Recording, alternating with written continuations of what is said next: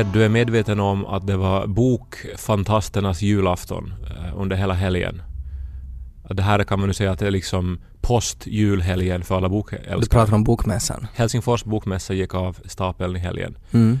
Eh, Du är medveten om saken? Ja, jag är också medveten om att jag inte var där. Jag skulle hemskt gärna ha varit där och pratat om min, min bok Teds sista ord, men jag hade inte möjlighet att närvara. Precis, jag var inte heller där. Jag brukar annars vara varje år, eh, ibland med en egen bok så att man är där och uppträder och, och jobbar. Men ibland också bara för mitt eget höga nöjes skull. Eller ska vi säga oftast, jag har ju inte en bok varje år. Mm. Eh, och jag gillar ju bokmässan. Det är Ja. julafton. Och nu var det som att man var är du portrest. När du säger att det är julafton menar du då, alltså du syftar på alla de här gamla manliga författarna som går omkring i långt vitt skägg och vill att unga människor ska sitta i deras knän? Ja, eh, det där var en ganska fin eh, liksom analogi också. Det var inte kanske det jag syftade på, men så är det ju Ja. faktiskt på bokmässan. Mm. Och eh, finns det andra likheter också? Det Men pågår det ju också en mat och vin. vinmässa Ja, samtidigt. på övre våningen. Dit de här farbröderna sen far också. Det måste jag ju prata om, jag tror det var för två år sedan så var jag på bokmässan och så var jag då till den här mat och vinmässan, våningen ovanför. Och så var det ett, ett litet stånd där eh, som sålde de godaste chips jag någon gång har ätit. Oj. Alltså Alltså det det var måste ett- jag bara inskjuta här då att det där är ju som att påstå alltså att man har hittat eh, den heliga graal för att Ja. Ted Forsström har ju prövat alla, alla Nej, chipsorter. men om vi säger som så att, att om, om vi fortsätter på den heliga graal-analogin så är ju jag Rickard Lejonhjärta, korstågsfarare som letar efter den heliga graalen. I know my ships, helt enkelt. Och där var då ett litet stånd. Det var ett, eh, ett äldre par, kanske kring 60 årsåldern, eh, som stod där med en liten fritös och någon så här konstig potatisskalare och en massa potatisar. Och så gjorde de, alltså att de gjorde någon så här korkskrus liknande potatisskivningssätt höll de på med som ledde till att de fick långa korkskruvar av potatisarna och så friterade de det direkt och hade någon egen kryddblandning på det och så fick man det i papperstrutar. Alltså du fick äta chips direkt från fritösen. Alltså om inte ni nu har besökt bokmässan så nu, nu ser ni ju att det här måste ni uppleva. Alltså nästa år för alla. Det var så otroligt var det alltså.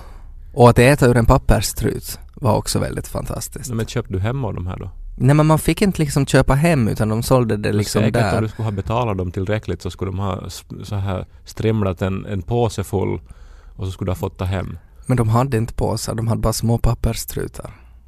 Men jag skulle kunna komma dit med en påse och sagt fyll säcken Med en pistol i handen. och råna dem. Hit med alla potatisarna!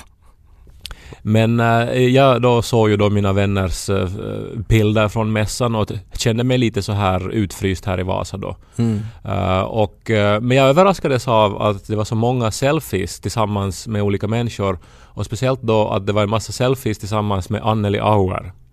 Mm. Och eh, nu om ni inte vet vem Anneli Auer är så då är ni inte från du, Finland. hur ska du förklara det kort? Nå, det går inte att förklara kort men under de senaste tio åren så har det pågått eh, flera rättegångar mot Anneli Auer där hon har anklagats för mord på sin man, hon har anklagats för sexuellt utnyttjande av barn, hon har anklagats för satanism.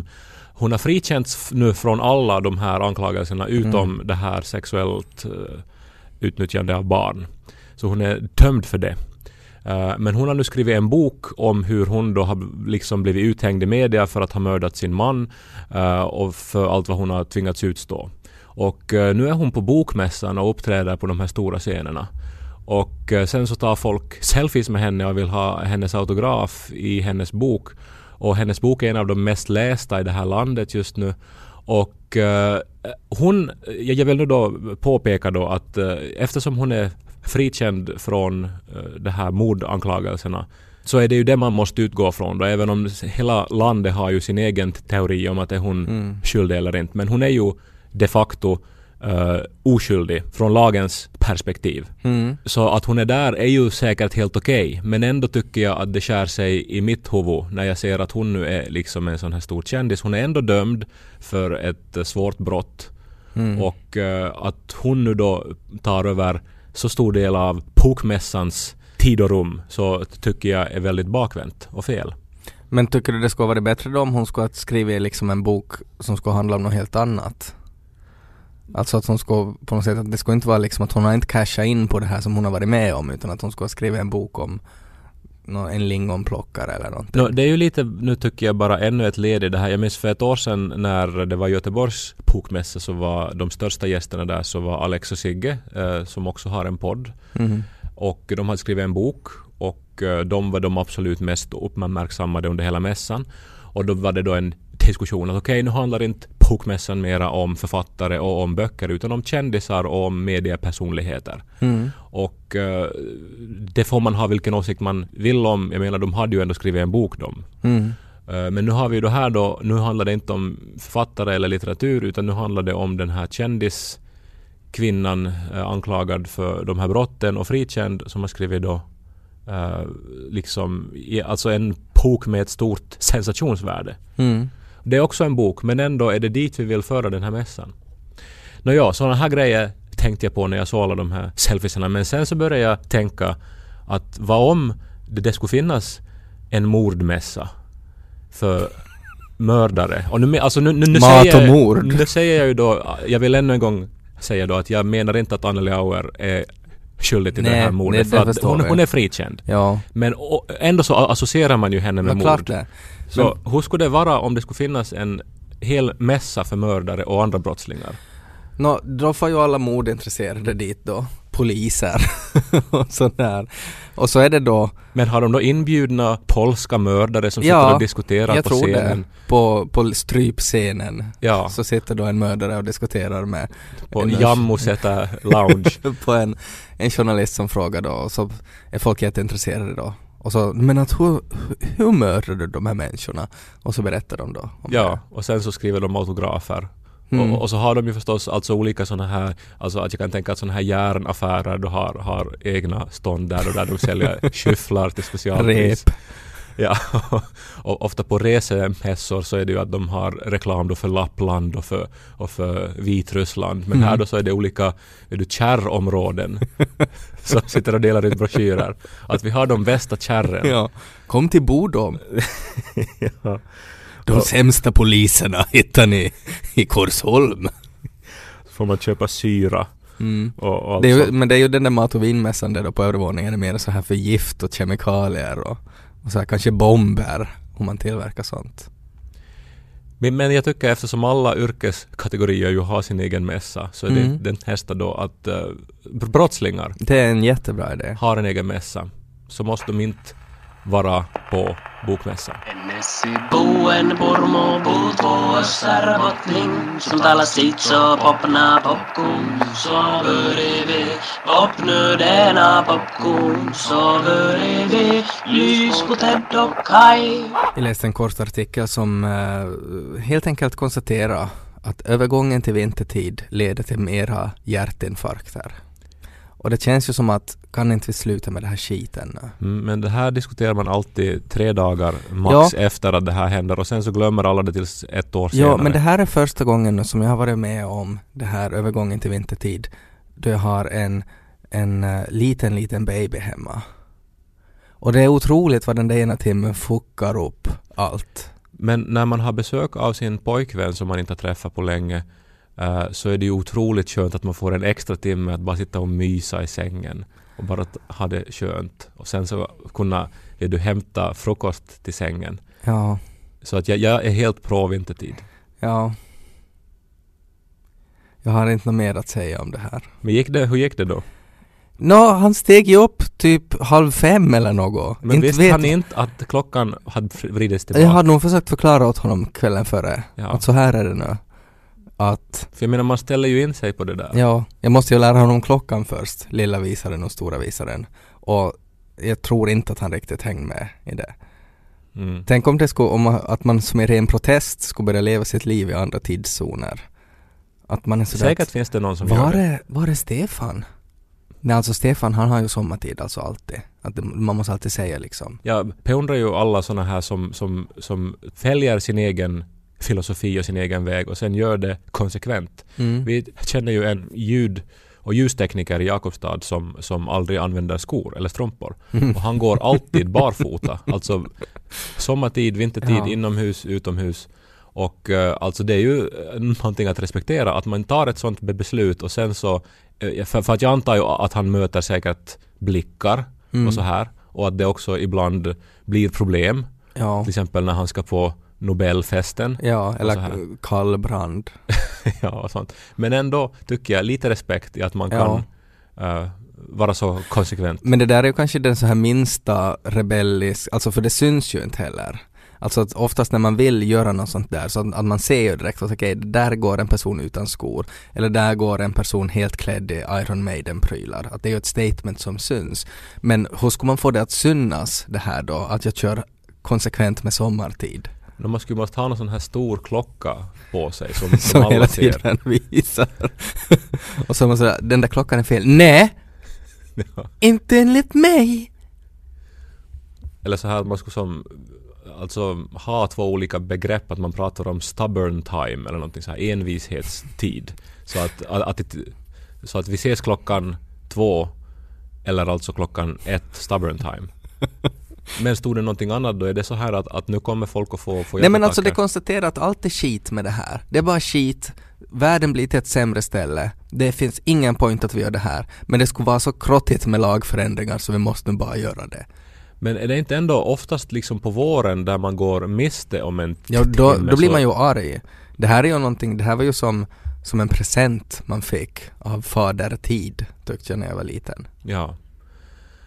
Ja, nu jag som sagt uppskattar den extra timmen jag Ja. fick Ja, ja, hångla ja, ja. och mysa. Så att eh, tack fader tid.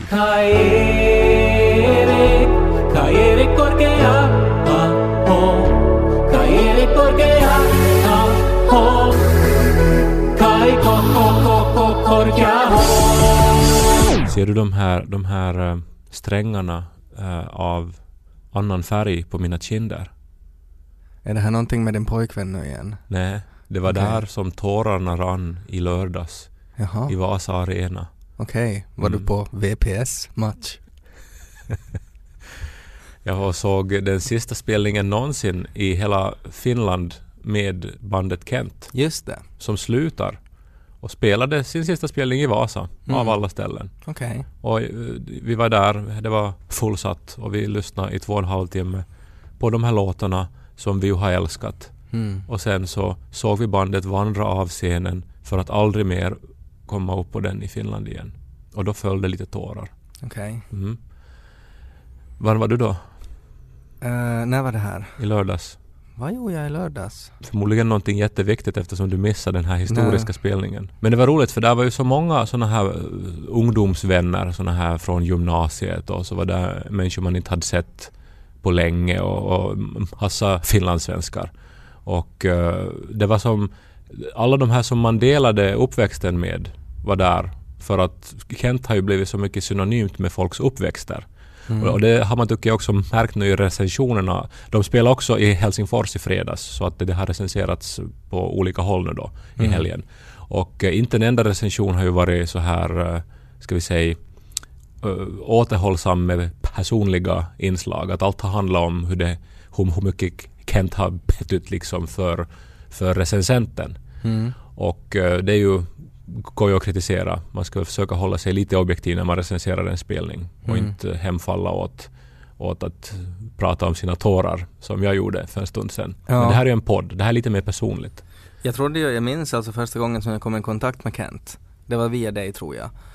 Eh, och så trodde jag ju länge alltså att, att det var på något sätt det här tobaksmärke. Att Ja. det var liksom samma sak. Mm. Så att alltid när jag sa att jag hade lyssnat på en jättebra Kent-låt så då var det som att ja, så nu har han, nu men har han liksom att- hittat på ett nytt sätt att röka. Att han, Nej men jag tänkte att okej du lyssnade på musik medan du rökte och så blev det liksom till en Kent-låt då. För att du rökte den tobaken när du hörde på den här låten. Ja, jag har faktiskt ett autograferat eh, paket av det där märket, autograferat av Kent. Mhm, Som jag nu ska auktionera ut dyrt, okej, tänkte jag. När bandet inte finns längre. okej. Men det var en jättefin spelning. Och eh, Joakim Berg var väldigt pratsam och väldigt glad. Och eh, det här, nästan lite så att man ett tag var jag så här att är han på droger nu? För han var som, han, han Vad sa log. han då? Nu han pratar om hur mycket han älskar alla sina pandkollegor. Och det får man väl göra, men han pratar kanske, och det här är helt sant, alltså säkert över 10 minuter. Så det blev helt liksom ingen musik alls på jättelänge när han bara pratade oförberett om hur mycket han älskar sina bandkompisar. Ja. Och sen så, liksom att om det nu skulle ha varit ens bra historier han drog, men det var lite så här inside och lite random och, och han, han log mest konstigt. Mm. Så att jag var så här att, vad har han dragit nu liksom backstage? Men samtidigt så var det ju roligt att förstås få vara med dem tio minuter till. Mm. Men eh, jag stördes ändå lite av det här, eh, hans, hans glädje. Jag tycker det var opassande. Nej men han är ju den som har skrivit de sorgligaste texterna som finns på svenska. Mm. Och eh, jag har ju tidigare pratat om att jag brukar vältra mig i världssorg. Ja. Att jag, att jag kan, när jag är riktigt så här bedrövad och ledsen, sätter jag på någonting riktigt ledsamt i musikväg. Och så Mm. bara vältrar jag mig i en sorts bassäng av smärta. Ja. Och ofta är det ju en Kent-låt jag har valt, för de är ju sådana låtar. Ja. Och eh, så där har ju Jo- Joakim Perry varit liksom min vän i bassängen. Men nu såg jag då att han är som en medelålders man som är ganska så här rik och, och lycklig och flinar. Såg du att han var rik då? No, men hans hår och kläder, så här Okej. överklasshår. Ja. Han som har skrivit all den där svärtan så, så borde ju stå och se prutto ut. Ja, plus att det är också att om det är deras sista spelning och folk är ledsna att de slutar så blir det inte lite fel då att han är jätte, jätteglad. På ett sätt. No, det var så många saker som var så här att det, att det, vre, att det skar sig. Men buade du då? Nej. Bu, Jag grät ju. Jocke. Bu, Jocke. Slängde du en slickepinne i ögat på honom?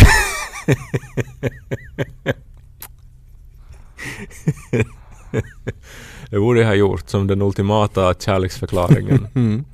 Jag skulle ha wiped the smile off his face.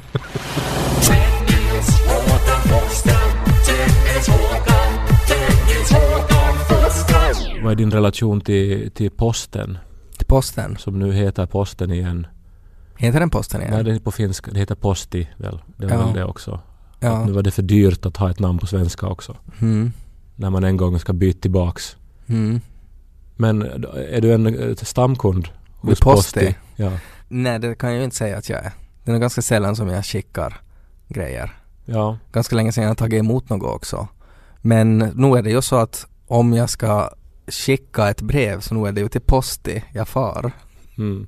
Jag är ju ibland så här rent att jag, att jag stannar upp när jag håller på och frankerar ett brev och tänker att varför gör jag det här hela tiden? Ingen annan jag känner skickar så här mycket brev. Vad gör man när man frankerar ett brev? Man sätter ett frimärke på kuvertet. Okej. Var det han som uppfann det? Hette han Frank? Det heter så. Det är ett helt vanligt svenskt ord. Nej, inte med det vanliga vanligt. bokstäver. Ja, men inte det är helt vanligt inte. Och eh, för jag, jag skickar en hel del brev och, och jag måste hela tiden då ha Har, men har du hemma. brevvänner då? Nej, jag sköter till exempel vår firmas äh, ärenden och sånt. Ah, jo. Och sen så postar jag olika kvitton och skattekort till olika arbetsgivare. Mm. Och så postar jag eh, tågbiljetter. Du behöver inte gå igenom allt vad du gör. Mm, Men faktiskt, jag, jag håller på med jättemycket. Du frankerar varje jävla dag. Exakt. Och jag är glad att man inte... Jag är så trött i armen, jag har frankerat hela morgonen. Men det, Min pojkvän är här så vi ska nog frankera hela natten. och eh, så jag går då alltid, när jag är i en ny stad så måste jag alltid, väldigt snabbt ta Var är det på snabbaste stället där jag kan frankera något? var, det, var postkontoret är. Och jag har varit hit i Vasa nu då flera gånger till postkontoret med Ja. olika brev. Post i kontoret menar du post i kontoret. Och eh, jag tycker ju om att eh, vi har posttjänster. Men jag Mm. hatar att köa vid posten och det är alltid kö vid posten. Och eh, så när jag var där senast och eh, var full av vrede då, för att det tog så länge, Mm. eh, så, så insåg jag att, att den här ins- institutionen har behandlat min familj dåligt allt för mycket nu. Okej. Men det är också hemskt att jag inte kan bojkotta den heller. För vem ska annars föra mina brev till andra ändan av landet? Nej. Men min mamma jobbade alltså 30 år på posten. Mm. Eh, Då när det nu var postbanken så hon var liksom banktjänsteman då. Och sen så hade ju alla små byar ett postkontor ännu då på, på 90-talets början. Mm, min morfar körde postmotorcykeln i Wow! något skede i Pormo. Det var en sån här flakamoppe tror jag. Så han delade ut alltså breven då till de ja. här avlägsna byarna. Yes, och så tror jag att mommo satt på pakethållaren ibland också. Så att han körde omkring och så var hon så där som är, alltså som i det där Commodore 64-spelet Paperboy. Så var det. Men det var min mommo som slängde Alltså din tidningarna. mormor har ju också ridit på en kamel. Alltså hon är ju Indiana. Jones nu. Jag har, ju, jag har ju trott att hon har bara suttit hemma hela Ja, sitt liv. nej men hon är ganska exakt som Indiana Jones. För hon har alltså en gång varit på en så här postmoppe. Och kamelen som du berättade om Ja, för några avsnitt sant. sedan. Det kan ju hända att de började, de inledde morfars postillionskarriär på kamel. så att de satt på sin puckel och så hade de liksom postsäcken mellan pucklarna. Och det var jättepraktiskt. Men sen så kanske blev han för gammal, kamelen då. Men det stämmer och, och, för, för jag spelade också det här spelet Paperboy. Mm. Och att eh, det var en tid när i alla sådana här amerikanska filmer så hade de sådana här scener där det cyklade förbi en tidningsutdelare som kastade tidningen mot dörren. Mm. Och jag ville alltid ha det där jobbet. Ja, det, alltså det är ju det mest attraktiva jobbet för en ung pojke. Ja, Att få men- slänga saker på hus och få betalt för det. Mm. Men min mamma jobbade då 30 år eh, bakom eh, luckan då, så hon, hon Mm. åkte inte motorcykel eller Nej. kamel, utan hon satt där och betjänade kunder. Ja, och drömde genom fönstret när hon såg när kamel, postkamelen sprang iväg.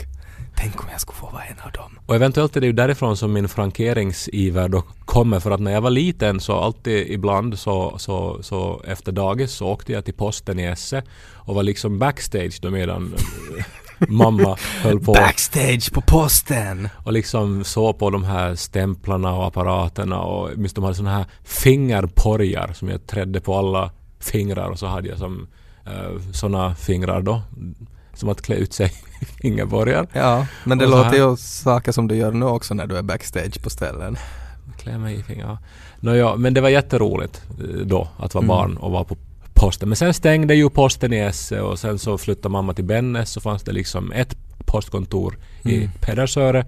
Men så stängde också det efter många år. Så flyttade Låt- mamma till Jakobstad. Ja, Och eh, det kontoret har stängt nu också. det låter ju lite suspekt nog. Alltså att din mamma jobbar då på tre olika ställen. Från ställe till ställe till ställe och så stängdes det.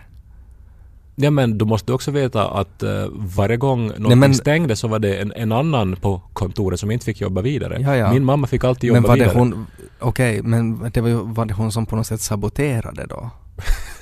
alltså, Nej, det, det, var posten, bara. Posti som sparade och som försvann allt mer Mm. eh, för att det skickades allt färre brev. Det var bara jag som skickade brev. Mm.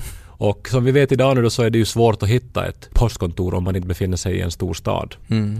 Eh, till exempel blev Jakobstad utan sitt enda postkontor och för tiden så ska man måste gå till en av de här stora mataffärerna för att få skicka För brev, att frankera. för att frankera. Nåja, men som om inte allt det här var nog då, så när min mamma efter 30 år på posten slutade, så gav post till henne en present. Oj, Mm. det brukar ju vara en guldklocka eller Det något sånt nej, men eller hur, det brukar ju vara en guldklocka eller jag vet inte, kanske någon sorts, eh, vet du, någon, någon, eh, någon en tårtspade ens. Vet du, som... Ja, men då ska den nog vara ingraverad. ja, ja. Och något så här lite diamanter på den. Men efter 30 års trogen tjänst så fick mamma som avgångspresent från posten, och det här är sant, en enkel bussbiljett till Murmansk. Och, och det går inte att säga utan att le.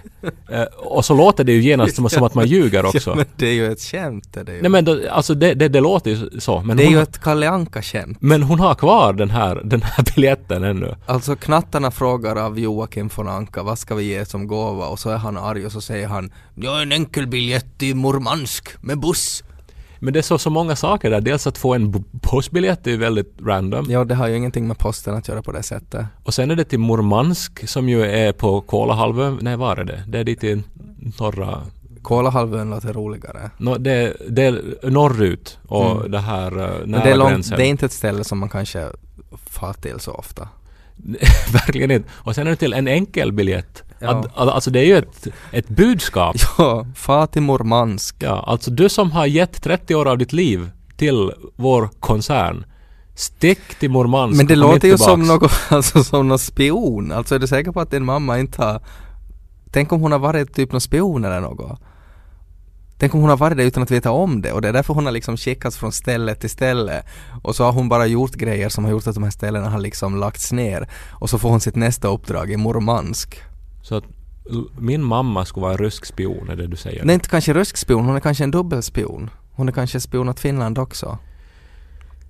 Jag tror bara att det här är liksom eh, att Posti här hittar på det ultimata sättet att eh, hajstatta, det som vi pratade om för några avsnitt sen här.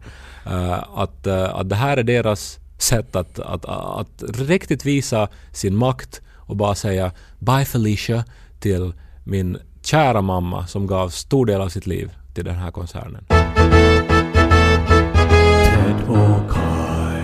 Ja, på tal om spioner så läste jag häromdagen om spioner. Du kan ju inte nu som göra någon grej av att min mamma, och du känner min mamma, att hon Ja. skulle ha några kopplingar till Ryssland. Nej men du vet ju inte. Jag bara säger det att ingen vet om det är sant. För att om man är en duktig spion så vet man inte. Inte ens ens familj vet. Så the born, jag tänker på the, the Korkeaho identity har pågått i Pedersöre här under Nej, alla dessa år. inte. Du vet ju inte. Så är det ju. Tycker du inte att det låter lite suspekt också att posten här i Finland har ju börjat med så här gräsklippningstjänster och sånt. Torka bort blod efter mordtjänster. De gör ju vad som helst nu för tiden. I alla fall så läste jag om en eh, av eh, eh, under andra världskriget, en tysk dubbelspion. Alltså att han var, jag, jag kommer inte ihåg vilken, uh, varifrån han kom ursprungligen, men att han jobbade som spion åt USA, men att tyskarna trodde att han jobbade som spion åt dem. Uh, och han var en otroligt bra spion. Nu kommer jag inte ens ihåg vad han hette, men det var bara så jättehäftigt det som han gjorde. Uh, alltså när man är spion då, så typ något av det viktigaste man gör, om man är dubbelspion, så är ju att man ska uh, ge falsk information åt det här landet som man vill lura. Och så på något sätt att måste man ju hela tiden upprätthålla den här charaden av att man är en bra spion. Det är ju väldigt, det måste vara otroligt stressigt att vara en dubbelspion. Men det som han gjorde där då var att han ljög då åt tyskarna att han hade ett enormt nätverk av spioner som hela tiden kom med liksom ny info åt honom. Skulle vi kunna bara eh, repetera då, alltså vart hörde han på riktigt nu då? Så vi, han jobbade åt USA. USA, Yes. Men Tyskland trodde att han Precis, jobbade åt dem. fortsätt. Ja. Yes. Så han lurade nazisterna helt Mm. enkelt. Och han lurade då nazisterna och med att säga att han har jättemånga spioner. Men sen i något skede så, så blev de väl lite misstänksamma men att hur många spioner har du och, och sådär. Och så var han tvungen att snabbt hitta på för att de hade fått reda på något att, att, att han jobbar ensam eller någonting. Och då måste han snabbt liksom hitta på att, vad det beror på. Och så förklarar han då att, eh, nej men att det är så faktiskt så att, att amerikanerna har dödat dem nu, mina spioner. Att så är det tyvärr. Att det är hemskt att det är Alltså en spion som hade egna spioner. Ja, Det är så det funkar om man är spion. Du är väldigt oinsatt i spioneri märker jag. Alltid varit totalt ointresserad av allt som har att göra med spioneri och spioneri- spionfilmer. Jag tycker det är väldigt spännande med spioner. Jag läste ju Sweet Valley High i, i högstadiet Ja, och inte liksom spionromaner. ja, jag läste Fursten av Machiavelli. Mm. Om man ska ha en, vara en bra spion så måste man ju ha ett spionnätverk alltså. Små fåglar som viskar i ens öra. Det är ju det. Information. Som Varys i Game of Thrones. Exakt. Det är ju information, det är ju det som spioneri handlar om. Men i alla fall, så de tysk nazisterna var på honom då och sa att du har ju inga spionnätverk, du är ju en dubbelspion, din hund, din Schweinhund. Nej, att det är så att de har dött. Och så fejkade han en massa dödsannonser. Alltså on the fly där. On the han- fly så, inte on the fly men att han sa att de hade dött och så typ dagen efter så ploppade det upp då en massa tidningar så var det liksom dödsannonser och så sa han att jo han var min spion, han var min spion, han var min spion. Och så gick tyskarna på det här och sen efter det och det här är- det som är som så bra tycker jag. Han fortsatte det här och så sa han då åt, de vill säga att det är Hitler som han pratar med för att det är säkert inte Hitler, men vi säger det. Så ringde han till Hitler och så sa han Hej, yo Adolf, nu är det ju så. Kommer du ihåg igår när jag sa att alla mina spioner dog? Jepp, ganska skit. Nu är det ju så att jag har ju gett lön åt de här spionerna då. Uh, och nu har de ju dött och uh, de var ju otroligt gifta allihopa. Och nu är det så att jag har faktiskt lovat alltså deras uh, fruar att jag skulle ge dem en pension om deras män dör. Och nu är det ju så då att de har ju dött riktigt, riktigt redigt. Så att skulle du då kunna ge liksom pension då åt de här åtta kvinnorna. Skicka pensionen till mig och så delar jag ut det åt kvinnorna. Och så gick de på det här då. Hitler sa bara yes but of course, sa han. Ja. Så att det var inte bara liksom det att han fick vänt, alltså när han höll på att bli påkommen så vände han det till att nej, det är inte så och så ännu så lyckades han få nazisterna att betala honom jättemycket pengar för en lögn som han on the fly kom på. Och det tycker jag är coolt. Ja, eh, visst. Men eh, blev han påkommen i något skede då? Nej, jag tror inte. Okej. Jag Så- kommer inte ihåg. Han var en, en ganska bra spion. Han fick väl också både eh, Men gjorde han något annat i sin spionkarriär utom att lura till sig en massa pengar? En då? massa saker. Hjälpte han USA på något Jo, sätt? en massa saker. Alltså han gav ju, när, då när det var D-Day i Normandie så sa han ju typ åt Hitler att ja, nu har jag fått info att amerikanerna så kommer att komma från eh, Eiffeltornet. Så dit ska du skicka din armé. Alltså att han gav falsk information. Och så sa väl då Hitler att det där är jättebra, nu ska du få liksom den största medaljen som nazisterna har. Och så fick han det då. Han fick ju jättemycket medaljer för han fick ju från två länder. Mm. Men, så din mamma då, eh, så vet vi, har ingen aning om, Ja, om hon är en dubbelspion. hon, hon har ju inga medaljer vad jag vet. Nej. Och inte får hon någon vidare pension heller. Det vad du vet. Så det här, eh, De har ju en husbil. det stämmer. Mobile Headquarters.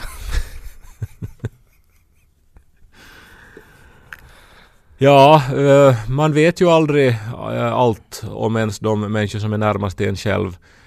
Ibland tror jag ju Ted att jag vet allt om dig men sen kommer det överraskande avslöjanden. Som vadå? Nej, det gör dig faktiskt inte. Du är det enda undantaget. Allt kommer ännu. allting ändrar likt humöret, allting utom Ted Forsström. Ja. Och eh, det här har varit avsnitt 55 av Ted och Kai-podden. Då kanske ni har fått veta någonting nytt om oss eller någonting nytt om världen eller livet. Eh, det vet vi inte. För att ni är ju väldigt många som lyssnar. En del vet mera, en del vet mindre. Vi vet om, ju att Kai vet väldigt lite om spioneri till exempel, men en hel del om frankering. Så är det. Men eh, därför ska man lyssna för att man lär sig någonting nytt möjligtvis någon gång. Eller för att man bara tycker om att, eh, att lyssna på någonting distraherande medan man eh, joggar, medan man diskar, medan man städar, medan man reser någonstans, sitter på Mm. bussen. Kanske vill lyssna på någonting annat så att rösterna inte får en att göra onda saker. Precis. Det är ju halloween. Eller Det- har det varit halloween? Det var det. Det det alla helgons dag. Det är alla helgons dag. Det här är en svenska yllepodd. Lägg sirap på undulaten. Va? Lägg sirap på undulaten. va, va? Vad skulle det göra? Han, det skulle ju vara jättejobbigt för undulaten. Det skulle klippa fast i fjädrarna. Är det här att mycket, lägga- en liten klick bara. Alltså stämmer det här med senap i Nej, det gör det Som inte. de Stäm- sa alltid när man var liten. nej. Ja, det skulle man inte göra. Nej men klart man inte ska göra det.